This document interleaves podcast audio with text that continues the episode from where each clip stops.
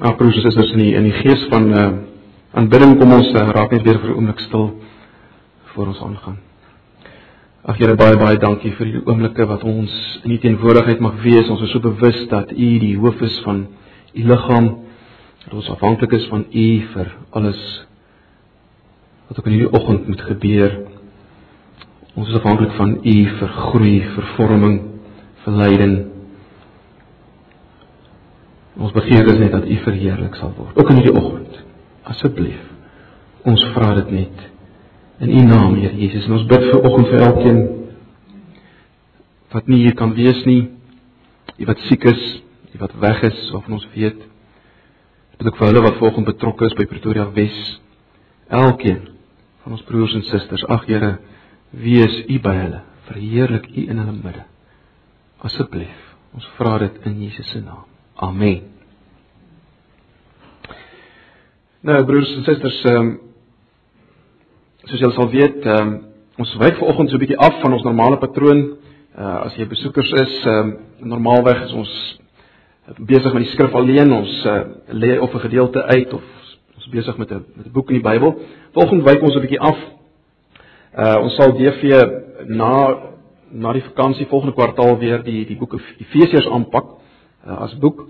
Maar vanoggend wyk ons 'n bietjie af en uh ons wil graag vanoggend kyk na ons gemeente se wat ons kan noem visie en missie. Nou dis iets waaroor ons as ouderlinge nou al 'n geruime tyd uh, praat, bid.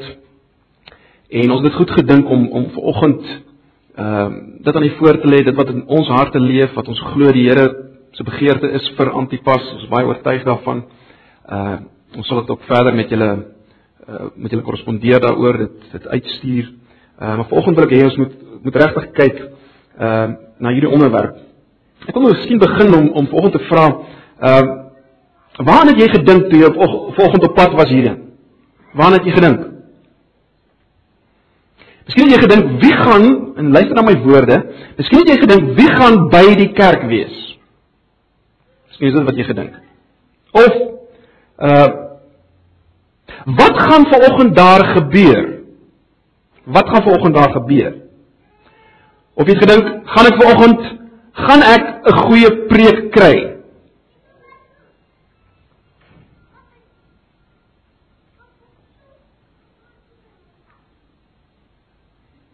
Gaan mense uitstap.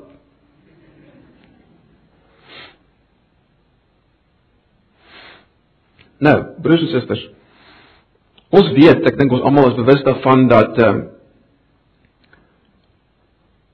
die boek Handelinge handel oor die kerk. Nou, ek dink ons almal sal daarmee saamstem. Ons ons ons het dit al baie gehoor. Die boek Handelinge gaan oor die kerk. Nou, dit is baie interessant en dit is niks niets nie. Ons het al daaroor gepraat. Ek het al daarop gewys.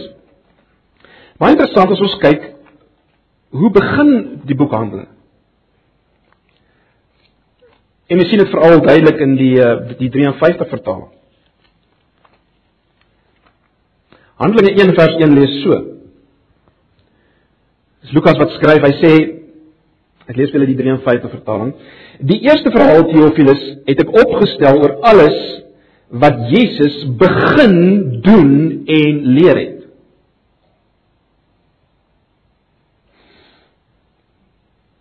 So wat is die implikasie? Die implikasie is dit wat ons in Handelinge kry, hierdie boek wat gaan oor die kerk, is niks anders as dit wat Jesus voortgegaan het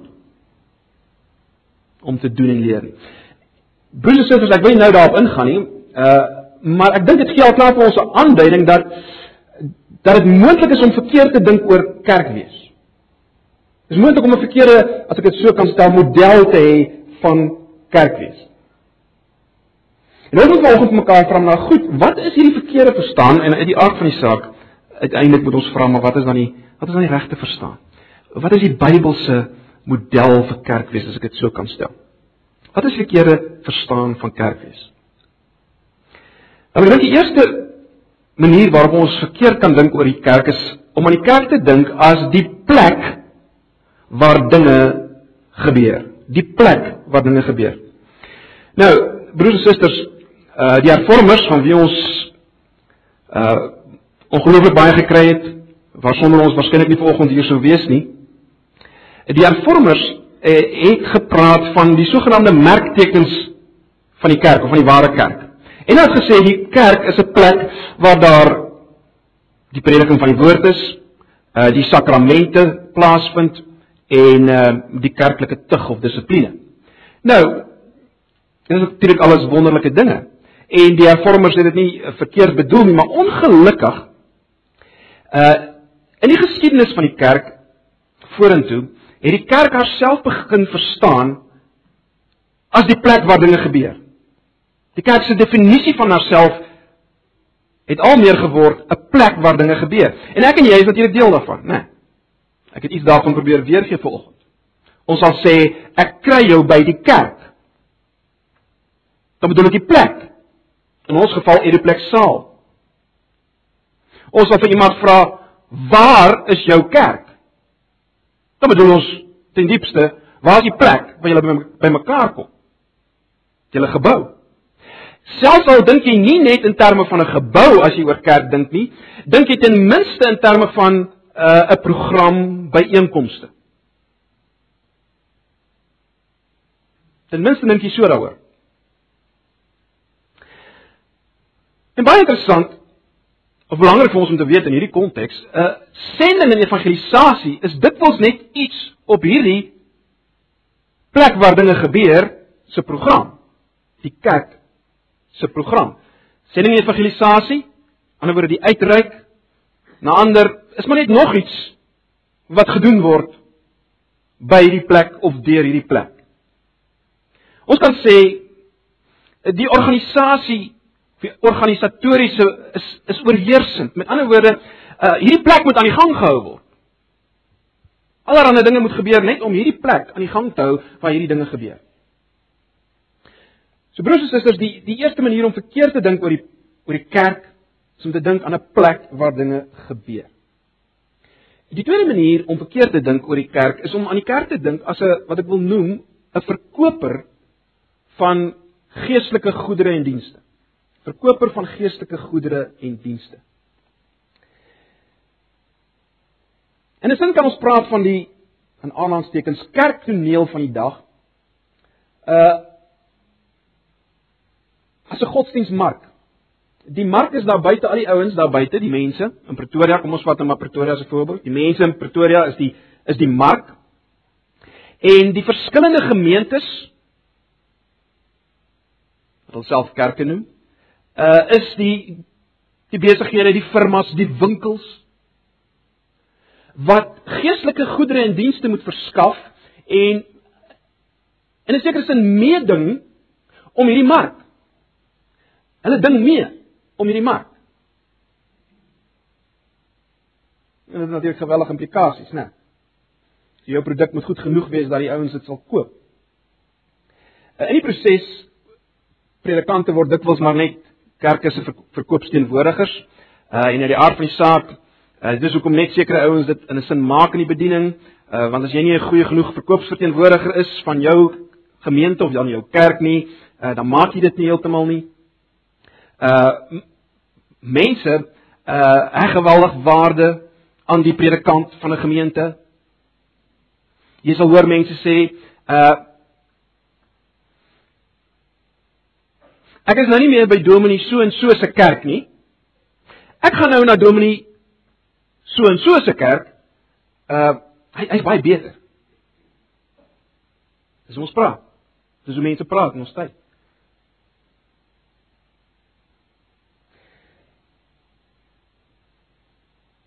Die produkte wat ons verkoop kan ons sê is ons ons leerstellings, dit wat ons verkondig.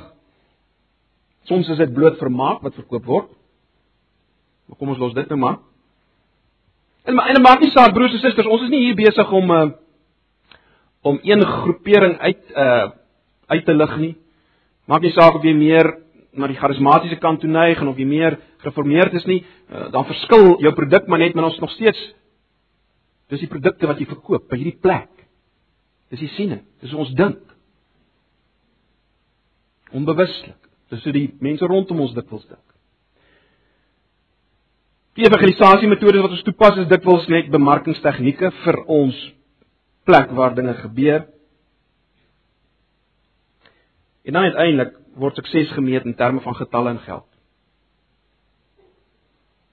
Wanneer is hierdie hierdie plek uh, suksesvol wel wanneer daar genoeg geld is, genoeg getalle is. Is ek suksesvol? So broers en susters, ek dink julle sal my saamstem. Die heersende kerkmodel van die dag is dis die is is is dis een van van wat ek wil noem produseerder verbruiker.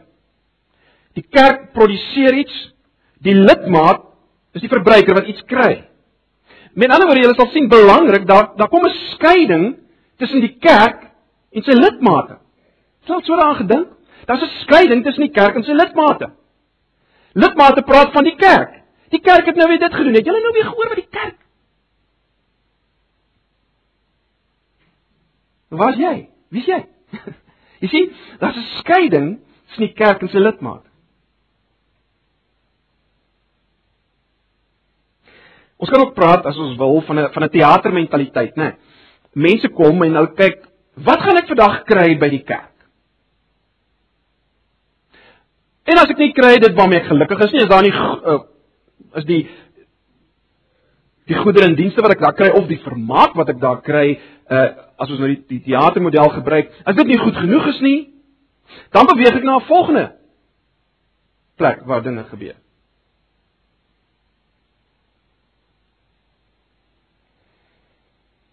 So dis die eerste kerkmodel rondom ons broers en susters.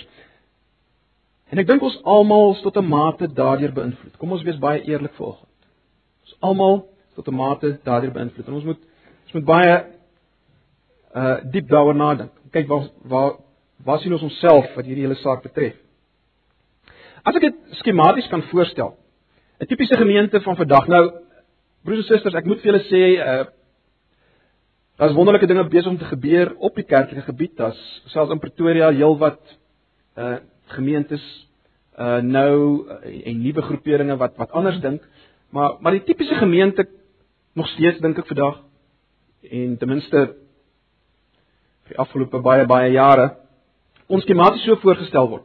Julle sal sien dat uh die beweging is na 'n toegewyde kern toe. Dis as as mens nou moet moet vra waar die beweging hier?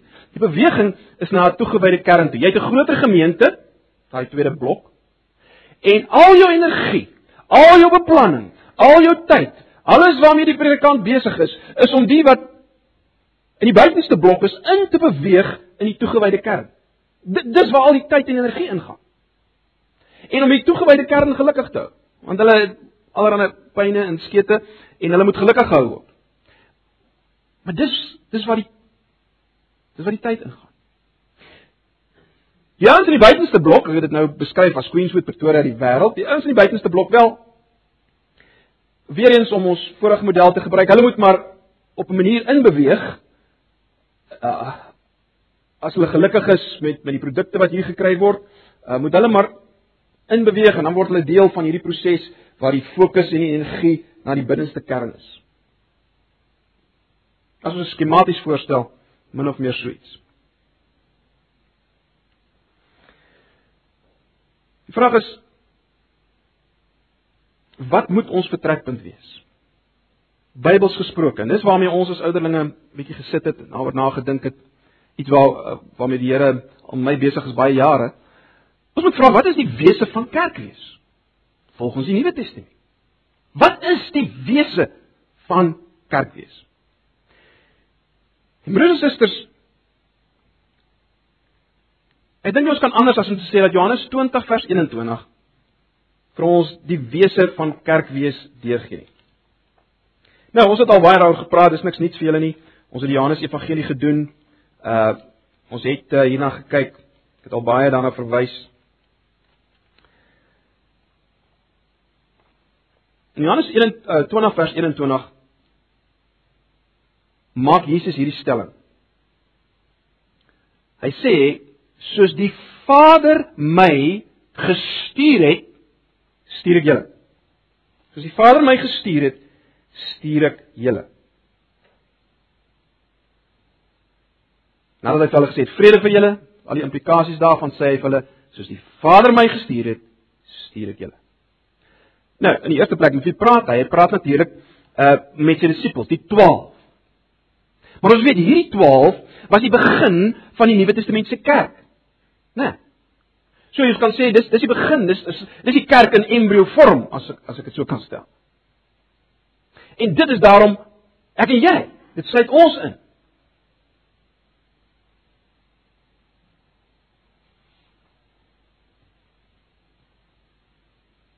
soos die Vader my gestuur het, stuur ek julle ook. Nou as ons meer teologies dan wil kyk, kan ons amper sê God die Vader het die Seun gestuur. Die Vader en die Seun het die Gees gestuur en die Vader, die Seun en die Gees stuur die kerk in die wêreld in. Die fokus is die wêreld. Dis geen twyfel daar. Jy sal sien die wese is is 'n 'n gestuurdheid. Dis die, dis wat die klem lê. Dis wat die klem lê. En daarom kan ons sê broers en susters dat die Bybelse kerkmodel lyk so. Die Bybelse kerkmodel is die van 'n liggaam wat gestuur word teenoor. Sien 'n groot verskil. 'n Liggaam wat gestuur word teenoor 'n plek waar dinge gebeur en dinge gedoen word. Dinge verkoop word. Jy sal weer die die Nuwe Testament praat oor die kerk as die liggaam van Christus, nê, nee, die liggaam van Christus. So die klem is op op 'n op 'n liggaam, mense wat saam die liggaam van Christus vorm en van elke plaaslike gemeente word hierdie terme gebruik, nê. Nee, ons het 'n hele paar sonnae gelede het ek het ek hieroor gepraat. Elke individuele gemeente word so beskou as die liggaam van Christus en daarom ook Antipas. Saam is ons nou dit wat Jesus in homself was. Né? Nee, Jesus het al die gawes, al die krag in homself gehad. Al die gawes in homself gehad. Toe hy gestuur is deur die Vader. Ons in ons is die gawes versprei. En gesamentlik saam is ons nou die liggaam met al hierdie gawes en word ons as liggaam gestuur. Die belangrike ding om op te let, broers en susters, in hierdie model is daar's nie 'n skeiding tussen lidmate in die kerk nie. Jy kan nie meer praat van die kerk sonder om van jouself te praat. Jy sien baie ouens praat van die kerk en dan bedoel eintlik die dominee en die ouderling. Nie as nie 'n skeiding nie. Dis nie hier's die kerk en hier's ek nie. Nee. Dis 'n liggaam en ek is deel van hierdie liggaam en ons word saam gestuur. Groot verskil, né? 'n Reuse verskil. Ons is 'n liggaam wat saam in beweeg. 'n Liggaam in beweging, dis die kerk. En daar's geen skeiding nie. Maar goed, kom ons gaan terug. Ons het gesê Jesus sê of ons gesien Johannes 20 vers 21 Jesus sê soos die Vader my gestuur het, so stuur ook julle ook. So ons moet in die eerste plek vra, maar goed, hoe is Jesus gestuur? Hoe is Jesus gestuur? Nou ons weet dat Jesus het gekom vanuit die hemel, né? Nee.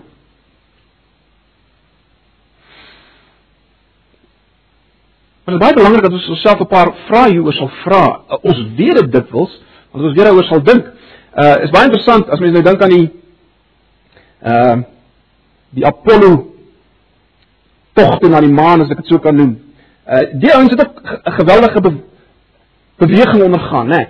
Uh 'n sending onderneem maan toe. Maar dit alles saamgevat van die aarde af. Suurstof, sekere klere, kos en hierdie goed het ons saamgevat na die maan toe. Maar God die Seun, Jesus kom vanuit die hemel uit. En is heeltemal anders. Hy word deel hier van dit wat op die aarde gebeur. Hy gee prys dit waarna hy kom vashou. Uh Filippense 2, miskien moet julle net weer so intoe blaai. Blaai net weer na Filippense 2. Hy wat in die gestalte van God was, het sy bestaan op godgelyke wyse nie beskou as iets waaraan hy hom moes vasklem nie, maar het homself verneder deur die gestalte van 'n slaaf aan te neem en aan mense gelyk te word. En toe hy as mens verskyn het, het hy homself verder verneder. Hy was gehoorsaam tot in die dood, ja, die dood aan die kruis. En dan vers 9: Daarom het God hom ook tot die hoogste eer verhef en hom die naam bo alle name gegee sodat in die naam van Jesus Christus elkeen wat in die hemel en op die aarde is en onder die aarde die knie sou buig. Dit lees maklik hier oor broers en susters, maar ons besef nie wat dit gekos het vir Jesus om gestuur te word deur die Vader. Alles wat hy kon vashou as God van die heelal. Hy het reg gehad om om neer te kyk op die rondom hom, die die armsalige mense wat so beperk is en so anders as hy is. Maar hy het geword soos een van hulle. Hy dag en nag geleef saam met 'n groepie ouens wat eenvoudige vissermanne was, wat hom nie verstaan het nie. Wat so onkundig was. Dag en nag beweeg hy saam met hulle vir 3 jaar.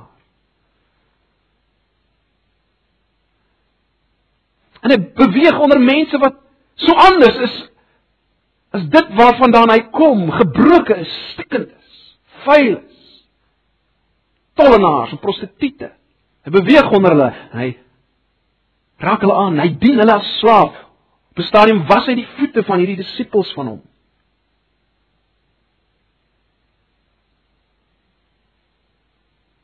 Ook een se voete wat hom verloon het, sê het, hy uiteindelik hy ken hom nie. Hy was sy voete. En uiteindelik natuurlik, die uiteinde daarvan is die kruis. Waar die oordeel van God oor die sonde van die wêreld hê. Die sondige wêreld op homself neem en op maak te verlossing bewerk in ons plek. Maar belangrik, dit is hoe hy gestuur is. Die manier waarop hy gestuur is, as jy wil.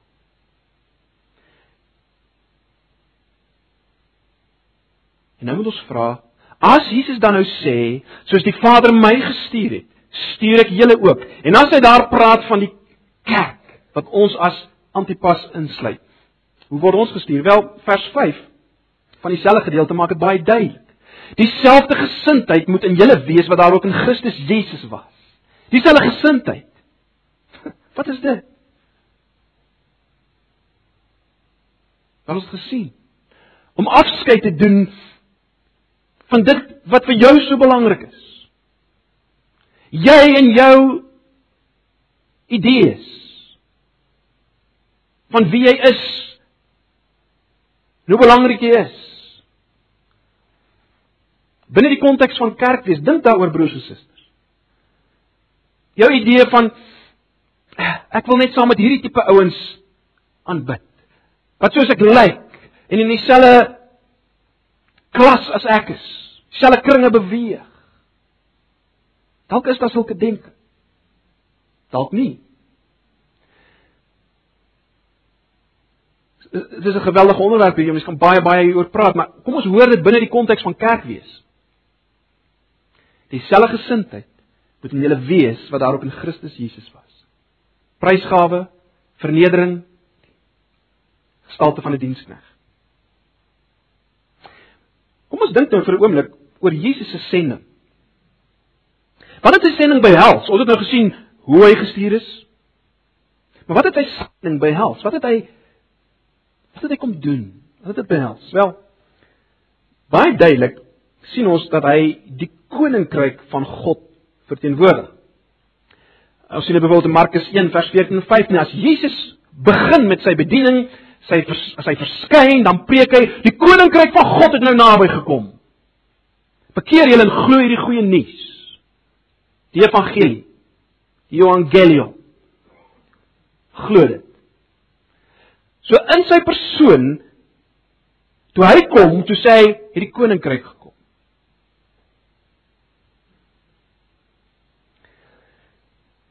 Lukas 4 vers 43 as jy wou kan jy vinnig daarna kyk. Maak dit baie eksplisiet. Lukas 4 vers 43.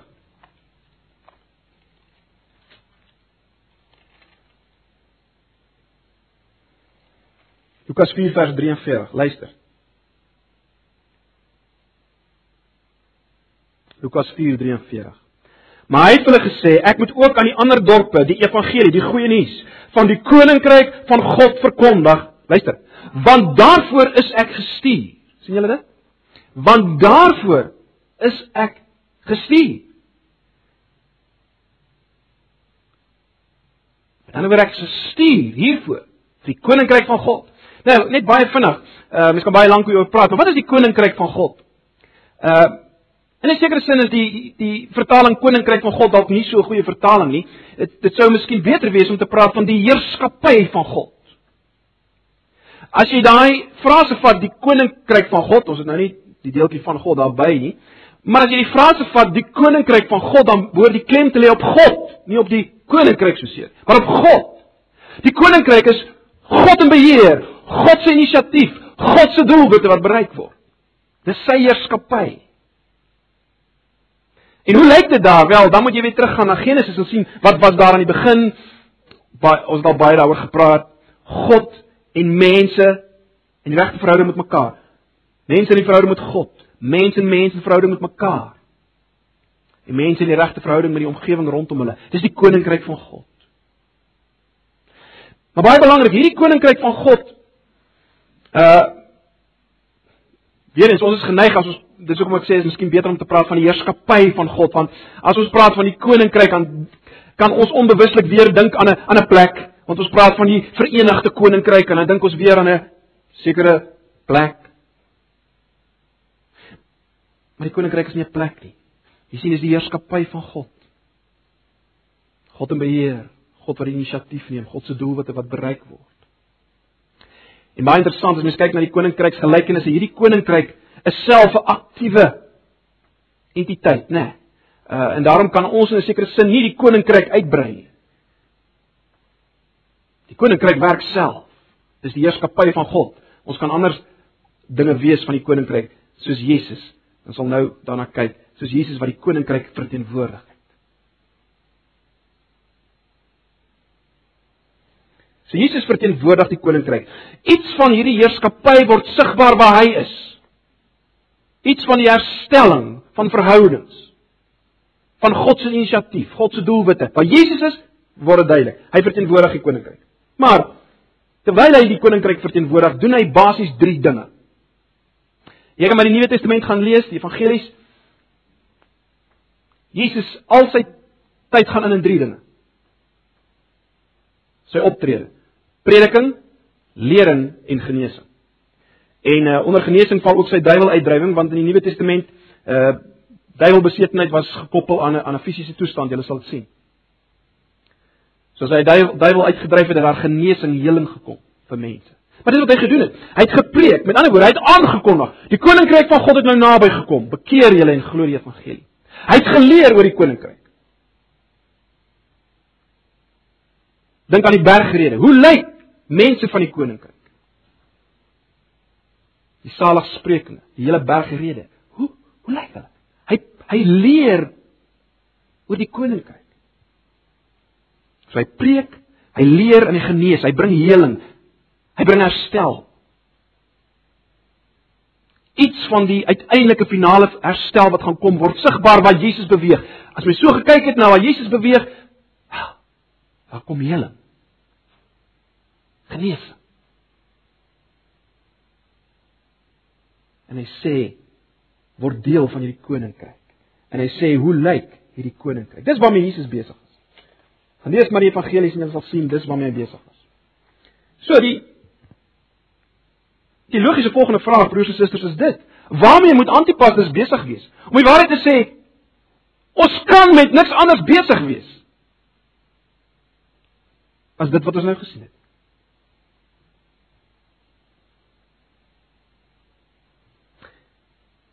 Moet ek net op hierdie punt sê broers en susters, ek wil nie vanoggend kom sê ons is met nog met niks van hierdie dinge besig nie of ons almal dink verkeerd nie. Verseker nie. Maar ek wil hê ons moet opnuut 'n passie kry Ek wil hê ons denke moet opnuut vernuwe word oor hierdie saak. So. Antipas kan nie anders as om die koninkryk van God te verteenwoordig. Hoe verteenwoordig ons die koninkryk van God? Wel ons verteenwoordig die koninkryk van God net soos Jesus die koninkryk verteenwoordig deur as te ware 'n teken te wees van hierdie koninkryk en vir mense 'n voorsmaak te gee van wat kom in volheid. So, as jy byvoorbeeld gaan kyk na Efesiërs 2 vers 11 en verder, dan sien ons dit dis in die kerk waar mense van verskillende groeperinge vers, verskillende vlakke van intellek, agtergrond, ras bymekaar kom. Dis iets geweldig. Dis 'n teken van hierdie koninkryk. Dit is interessant in Efesiërs 3 vers 10 uh, sê Paulus deur hierdie kerk wys God of word sy wysheid bekend gemaak aan al die owerhede en magte in die hemelruim. Die kerk is 'n vertoonvenster van van God en sy koninkryk. En dit maak of dit moet mense as 'n ware lus maak vir dit wat gaan kom. Daardie eenheid. Daai liefde tussen mense van verskillende groepe en agtergronde.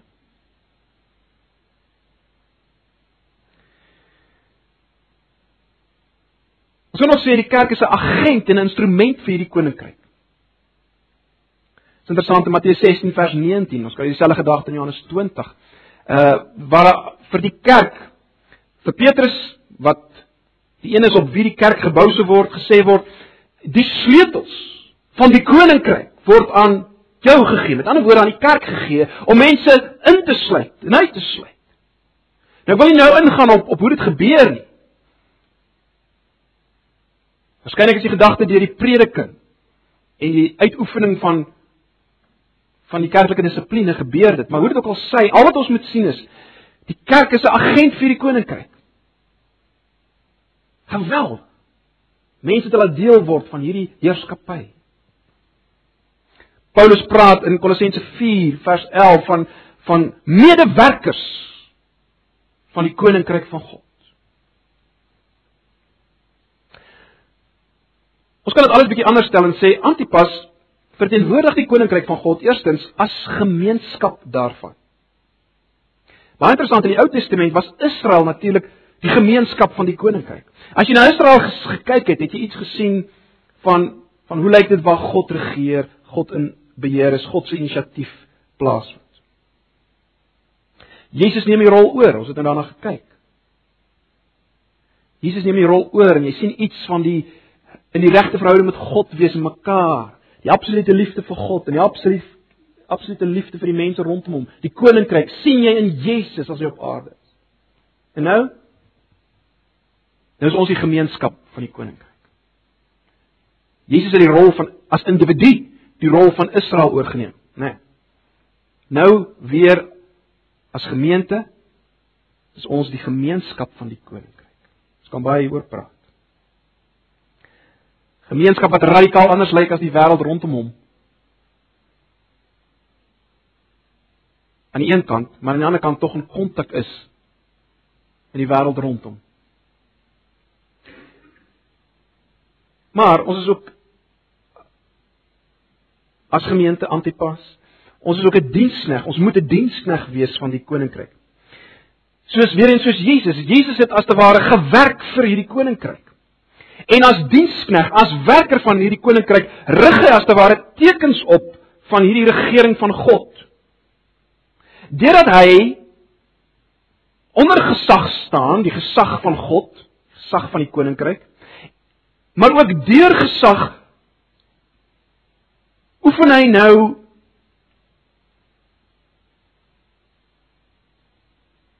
krag uit, as ek dit so kan stel, oor al die gebrokenheid rondom hom, die onderdrukking, die vervreemding rondom hom.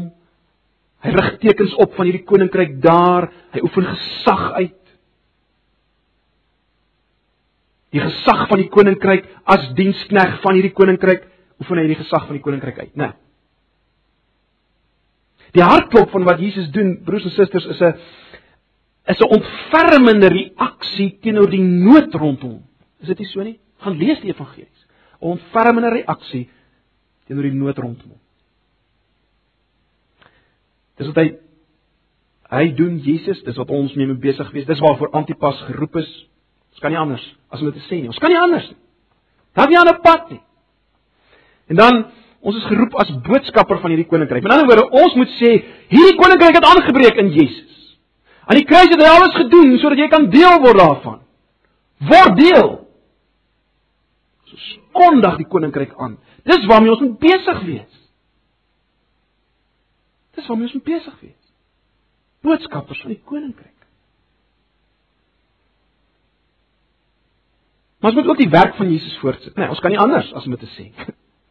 In die lig van Johannes 20 vers 21 kan ons nie anders nie. Ons moet besig wees met genesing.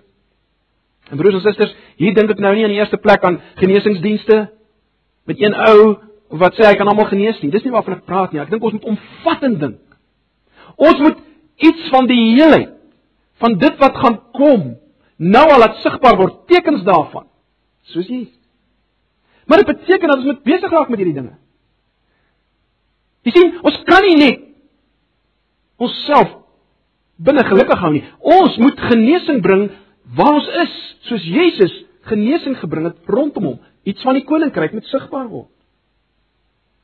Ons moet besig wees met prediking, die aankondiging van hierdie ryk, hierdie heerskappy.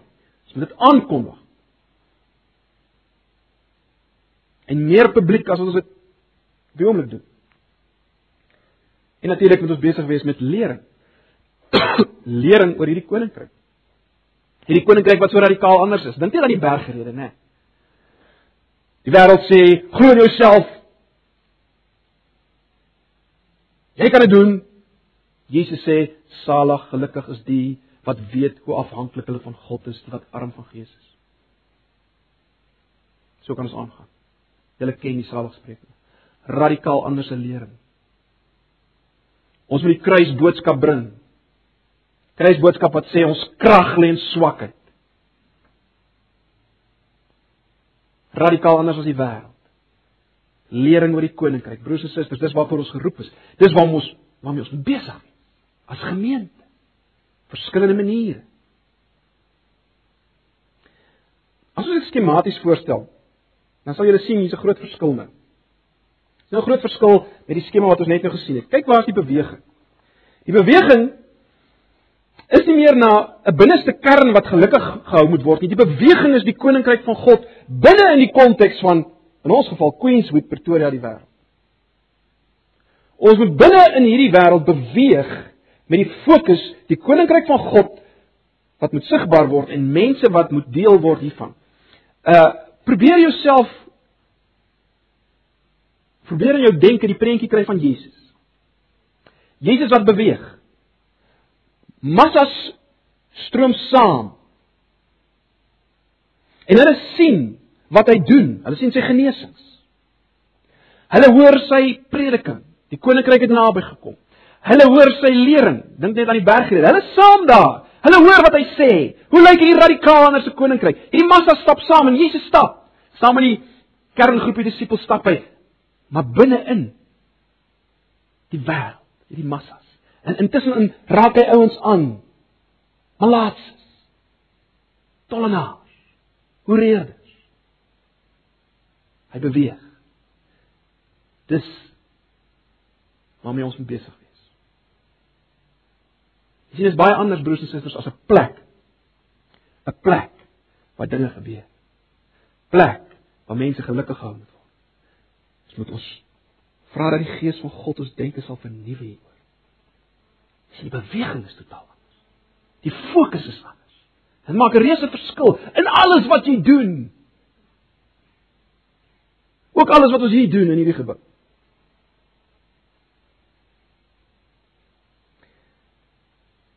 Nou, broers en susters, in die lig van dit alles. Wat moet ons visie wees? Wel, In 'n sin is dit van selfspreekend. In 'n sin kan dit eintlik niks anders wees as dit wat ek nou hier vir julle gaan wys. Ons visie moet wees om soos Jesus as gestuurdes die koninkryk van God, hierdie heerskappy van God sigbaar te maak in ons geval op die oomblik in Queenswood, Pretoria, nie waar. En ek kan dit niks anders wees nie, né? Nee. Kan eintlik niks anders wees. So wat moet ons doen om daar te kom? As jy dit nou in ander terme wil stel, wat moet ons missie wees as gemeente? Wat moet elke gemeente se visie wees? Wel, dit kan nie anders wees as aan die een kant om soos Jesus te word nie. As ons gestuur wil word soos Jesus, moet ons word eers soos Jesus. Let wel nou, nie net as individue nie, maar korporatief saam as gemeente moet ons al meer word dit wat Jesus was, soos Jesus. Jesus wat geweet het wie hy is. Jesus het wat geweet het waarvoor hy gekom het. Jesus wat in 'n verhouding met sy Vader gestaan het. Ons sien hom dikwels, dikwels, dikwels alleen gebed met die Vader. So, om soos Jesus te word. En dan so daaroor gepraat om dan te doen wat hy gedoen het in liefde, let wel, in liefde. Te preek, te leer en genees. Ons kan nie anders as om te sê dit moet ons missie wees. Dis hoe ons gaan kom by hierdie gestuur wees soos Jesus in Queenswood Pretoria in die wêreld. So broers en susters, ons het 'n paar as ouderlinge 'n paar doelwitte met ander woorde in die lig hiervan in neerges, uh, neergesit op papier. Wat moet ons doelwitte dan wees hier en na buite? Onthou nou hierdie twee kante. Aan die een kant moet ons word soos Jesus. Aan die ander kant moet ons doen wat Jesus doen. En in alles waarmee ons besig is, moet hierdie twee kante natuurlik nou aandag kry. Né? Nee. So. Waarmee moet ons as gemeente besig wees? In die eerste plek, persoonlike geestelike en emosionele groei. Let wel, as gemeente saam. Nie net ek is nie op my eie nie, ek is deel van hierdie liggaam wat beweeg. Nou wil ons moet weet wie ons is in Christus. Ons moet ons identiteit verstaan sodat ons die versoeking kan weerstaan. Onthou julle ek het 'n paar sonnae gelede daaroor gepreek wat Jesus deurgegaan het toe die Satan hom versoek het. Die Satan wou gehad het hy moet twyfel aan die feit dat hy geliefde van die Vader is, wat hy gehoor het by sy doop. Die duiwel, die wêreld wil hê ons moet ons identiteit vind in dit wat mense van ons dink, ons populariteit of in ons prestasies, dit wat ons doen, dit dit gee vir ons identiteit of ons besittings. Ons moet leer om ons identiteit te kry in Christus, wie ons is in Hom. En dis waarmee ons moet besig wees in die gemeente. Nee. Nou al ons groepe, ons selgroepe. Vroue Bybelstudies. Noem maar op. Moet ons al meer deur lering verstaan wie ons is. Wat is ons identiteit? Sodat ons gestuurdes kan wees. En natuurlik uh ons moet as gemeente aandag gee aan dit waarmee Jesus besig was, gebed, vas en hierdie dinge, ons verhouding met God. So. Broers en susters, ons moet almal saam begin nie dink hieroor. Hoe gaan ons dit doen? Wat gaan ons strategie wees om dit te doen? Kan ons gemeente bid hier so lyk soos dit op die oomblik lyk, sonoggend na 9uur? As ons soos Jesus wil word. Nee. Verander moet lyk. Dis die dinge waarmee ons moet besig wees. Dan in die tweede plek verhoudings van liefde. Dis wat Jesus gekenmerk het. Liefde, liefde vir God, liefde vir die rondom hom. Broers en susters, waarmee moet ons as as antipas besig wees? Praktiese stappe om al meer in liefde teenoor mekaar te leef.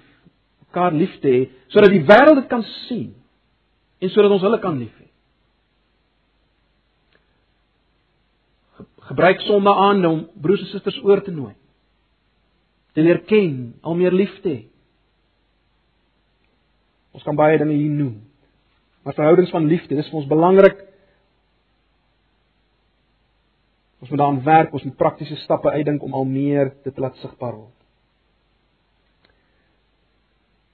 Dan diversiteit in God gesentreerde aanbidding. Wat bedoel ek daarmee? Broers en susters, in die lig van hierdie visie wat ons of laat ek so sê in die lig van alles wat ons gesien het rondom Jesus en en en die en die Bybelse kerkmodel. Wel in die lig daarvan kan Antipas nie net 'n preekpunt wees nie. Dis onmoontlik. Dit kan nie net 'n plek wees waar ons voel ons ons ons kry ons kry 'n preek, 'n goeie preek. En, en dis dit. Nee, skam. Ons moet in die eerste plek al meer uh wys dat ons 'n liggaam is, né? Nee. Saam gestuur is deur Jesus. En, en dit moet wys in ons in ons aanbidding, né? Nee, ons ons as ons saam is, moet dit ook sigbaar word. Dat ons 'n liggaam is aan die een kant en ons aanbidding self moet 'n as ek dit so kan noem, 'n missionêre dimensie hê. 'n gestuurwees dimensie. Dit moet wees sodat die wêreld kan sien en aangeraak dan aangeraak word daardeur.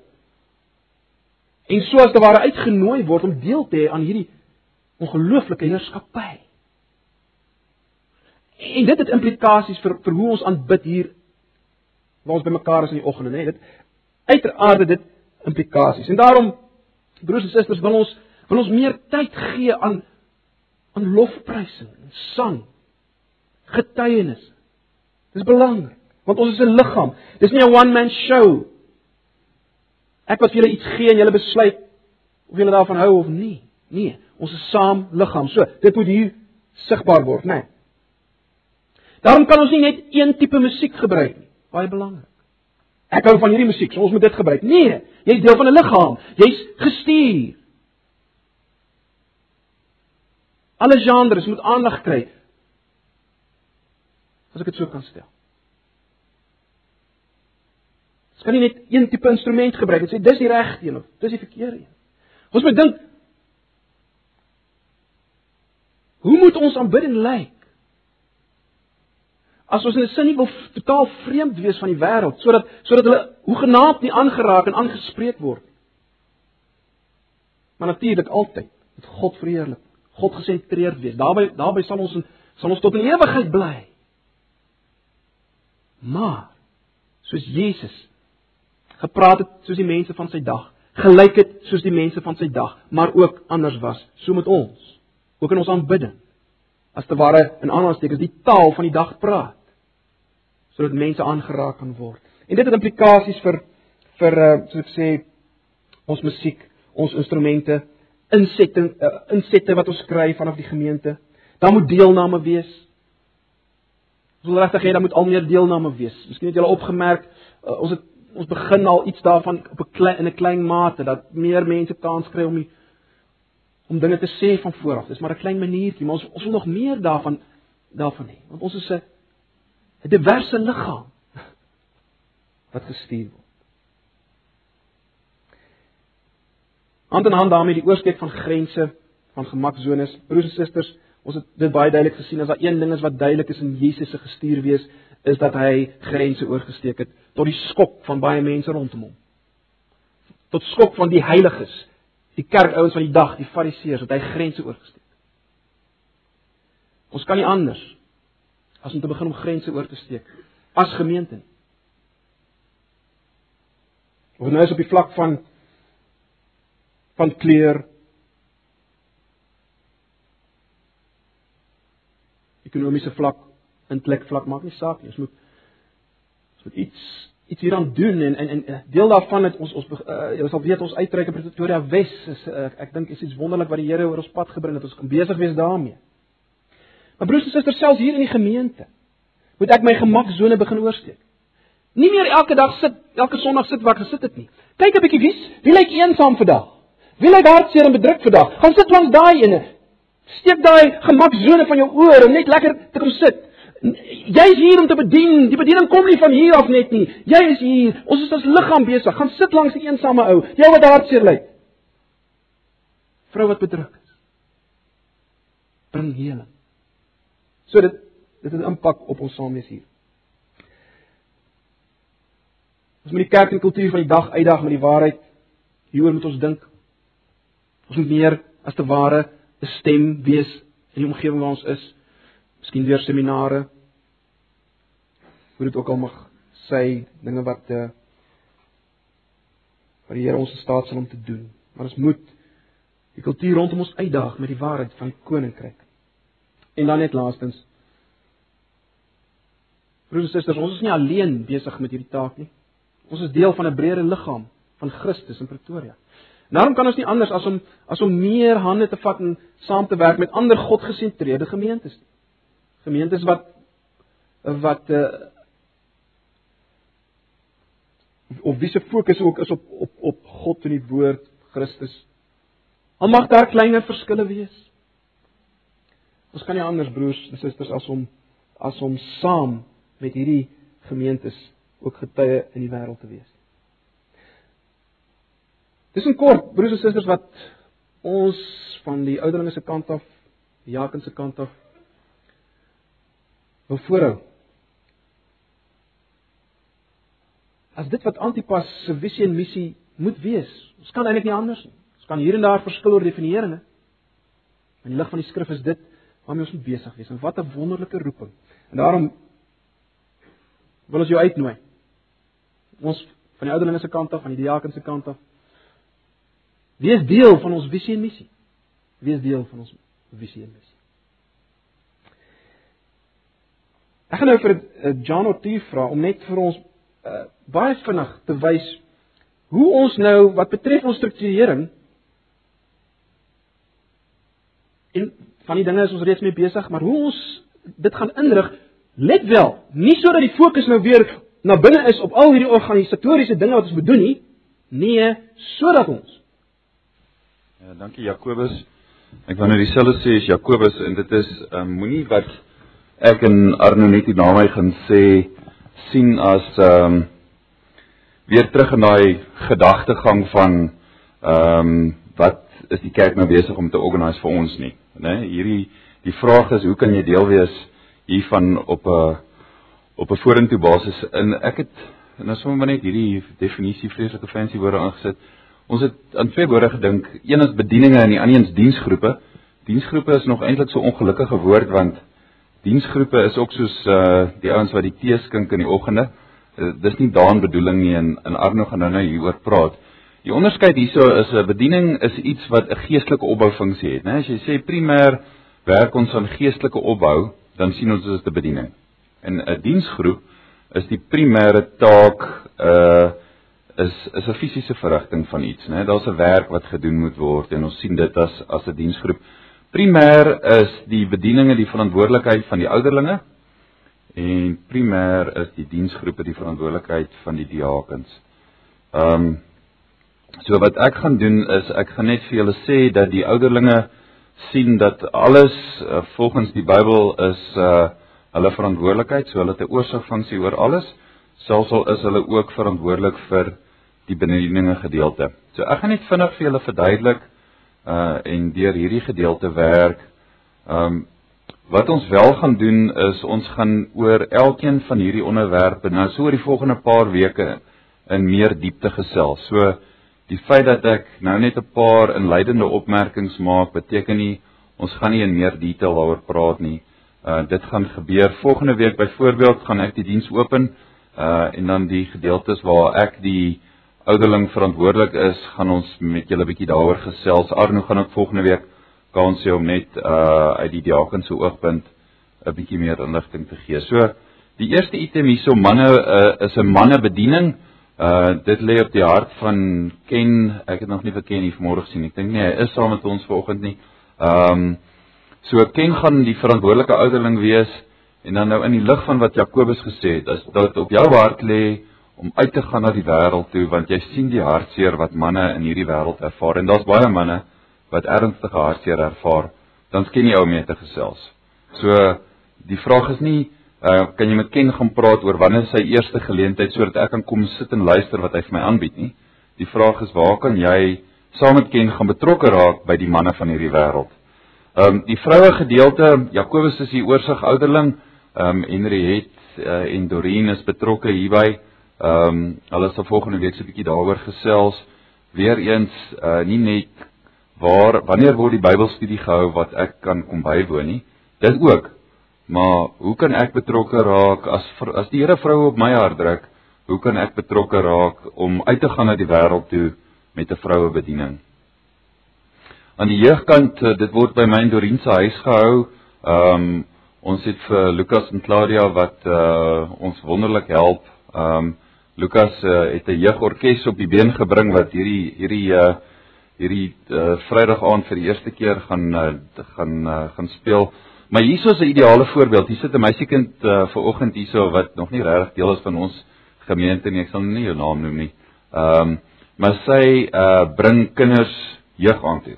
Ehm um, nie net kom geniet sy dit daar nie, ehm um, maar dis 'n voorbeeld van iemand wat jeug sien as 'n geleentheid wat sy kan uitgaan en hoe sy uh die wêreld kan gaan bedien.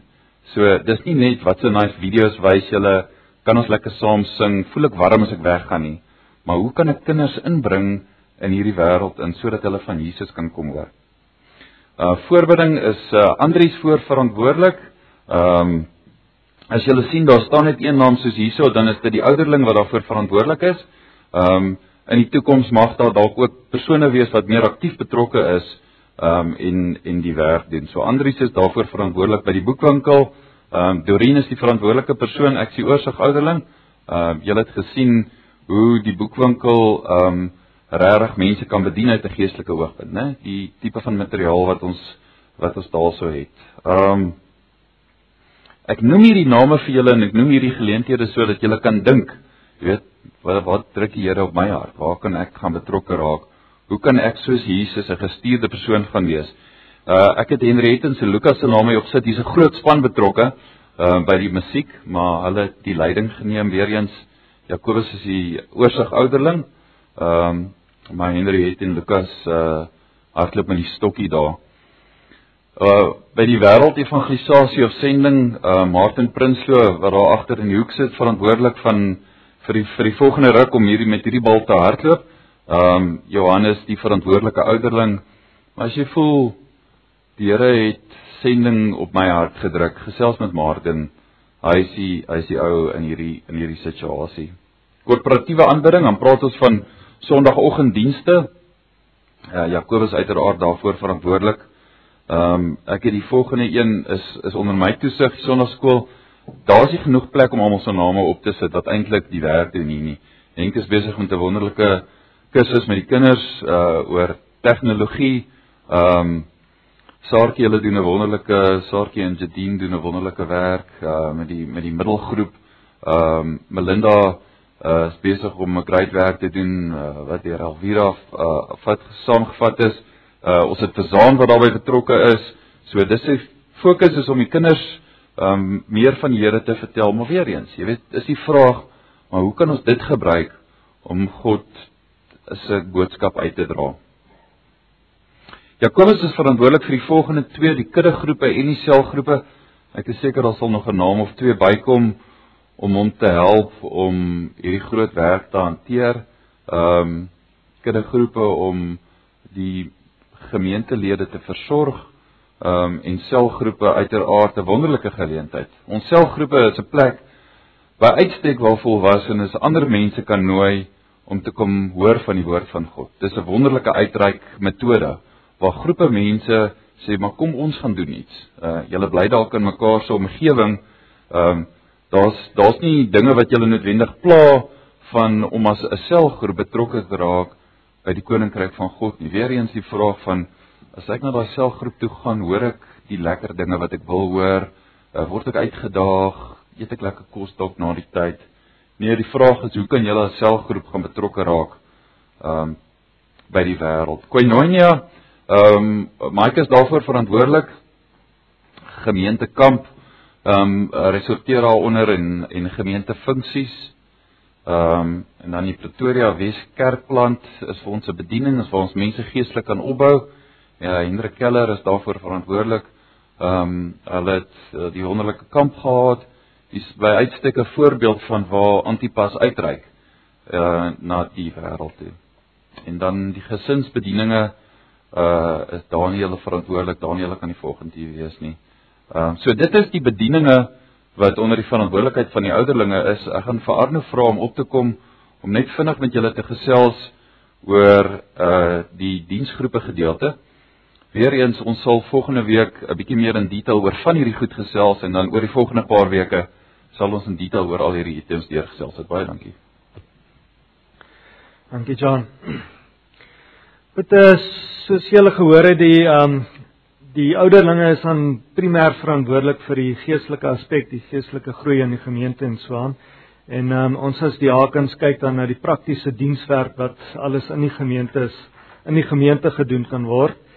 Um ek gaan net vinnig oor hoofs ons struktuur aan julle meedeel en dan uh, as die Here wil dan gaan ons volgende week in bietjie meer oorsigtelike detail kyk presies wat gedoen word daarso en waar die behoeftes is rakende die dienswerk in die gemeente. Vir die eerste diensgroep wat ons het is die administrasie en dit uh, omvat al die sekretariële funksies wat daar is, die boekhouding van die gemeente se fondse. Ons het 'n uh, komitee wat kyk na die sangbundel, die liedere wat gesing word en um, die instandhouding van die sangbundel. En dan het ons 'n um, uh, nuwe diensgroep uh, geïdentifiseer wat bemarking is en uh, die doel daarvan is spesifiek as daar 'n gemeentefunksie of iets is dat hierdie diensgroep die advertensie daarvan doen. Um iets uh, op op die uh, skerm vertoon sonnaoggende of in die bulletin of wat ook al, maar dat um daar persone uh, is wat verantwoordelik is aan vir advertensie aan die gemeente van sekere geleenthede. Nou hierdie is 'n nuwe groep uh, wat wat weer eens nog nie bestaan nie. So daar's al klare behoefte vir persone in in daai opsig. Onder gemeenteondersteuning kyk ons na die interne versorging en die dienshulp wat uh, ons kan gee aan die gemeente. Um, ons kyk daarson na die bejaardesorg en die siekesorg, die barmhartigheid en die dienswerk uh, wat in die gemeente gedoen kan word vir gemeentelede sowel as die uitreik dan na buite. So dis dit's nie net intern in die gemeente gebaseer nie, dit is waar dienswerk buitentoe uh, ook gedoen moet word in terme van evangelisasie. Ons kyk na die webtuiste ook, die administrasie daarvan en die inhoud wat gelaai word en natuurlik is dit 'n baie belangrike uh, funksie hierdie webtuiste want dis dis ons venster uh in die elektroniese wêreld na die buitekant toe. Dan sit 'n uh, Antipas een eiendom wat ons onderhou, dit is die Breërhuis in Kandelaarstraat en al die funksies daar rondom die instandhouding en administrasie en so aan rondom die eiendom uh dit word ook deur die diakens behartig. Ons kyk na die erediens logistiek, die hele opset hierso wanneer ons gemeentedienste hou. Ons het persone wat verantwoordelik is vir die oopsluit van die lokaal en die kosters uh groepe, dan die diensgroepe wat verwelkoming by die voordeur doen en teeskink na die tyd en opruim. En uh die kennisgewing bord waar die kennisgewings en swaan vertoon word, die uitsit van die bord en instandhouding daarvan. En dan uh belangrik ook die klank en visuele vertoon, die opstel van die klanktoerusting en beheer daar agter, opnames wat gemaak word van die preke en dan die visuele vertoon van die liedere wat ons sing en ander inligting in die oggende. Dan het ons media duplisering en verspreiding en dit gaan oor al die media wat ons as gemeente versamel en dupliseer en dan verder versprei. So dit gaan oor die pamflette en boekies wat ons uh, druk en verder versprei sowel as die preke wat ons uh, CD's van maak en en die verspreiding daarvan en so nou en dan 'n DVD of so ook uh, wat daaronder val. Laastens het ons gemeentefunksies en dit is al die formele en informele byeenkomste wat ons het sowel as die kerkkampe En hier fokus ons aan spesifiek op die logistieke uh, komponent daarvan en die praktiese werk wat betrokke is by hierdie funksies. So dit is dan alles onder die gemeente funksies. Ja, dan laasens net ehm um, soos al voorheen genoem is, doen ons aan 'n beroep op op die gemeente as sulks om betrokke te raak, regtig waar te kyk waar jy kan inskakel by die onderskeie funksies en ehm um, jy kan dan vir Jakobus en John en myself skakel uh waar jy geïdentifiseer het waar jy moontlik kan help. En ehm um, ja, en dan kyk ons dan volgende Sondag dan in meer detail na die diensgroepe en ehm um, die spesifieke take wat daarso is wat julle nog verder by kan betrokke raak. Dankie. Broers, kom ons uh, sit net so dan bid ons saam voor ons gaan afsluit met 'n lied. Kom ons bid net saam. Ag Here, ons is voor U in hierdie oggend U die hoof van u liggaam. U het alles gehoor wat ons gesê het. U ken ons. U weet dat ons totaal al afhanklik is van die werking van die Gees, Here Jesus. En ons wil vra asseblief, Here, kom en bekragtig ons opnuut om soos U in hierdie wêreld in te beweeg as U liggaam. as u hande en u voete, u stem. Asseblief. Ons vra dit in Jesus se naam. Amen.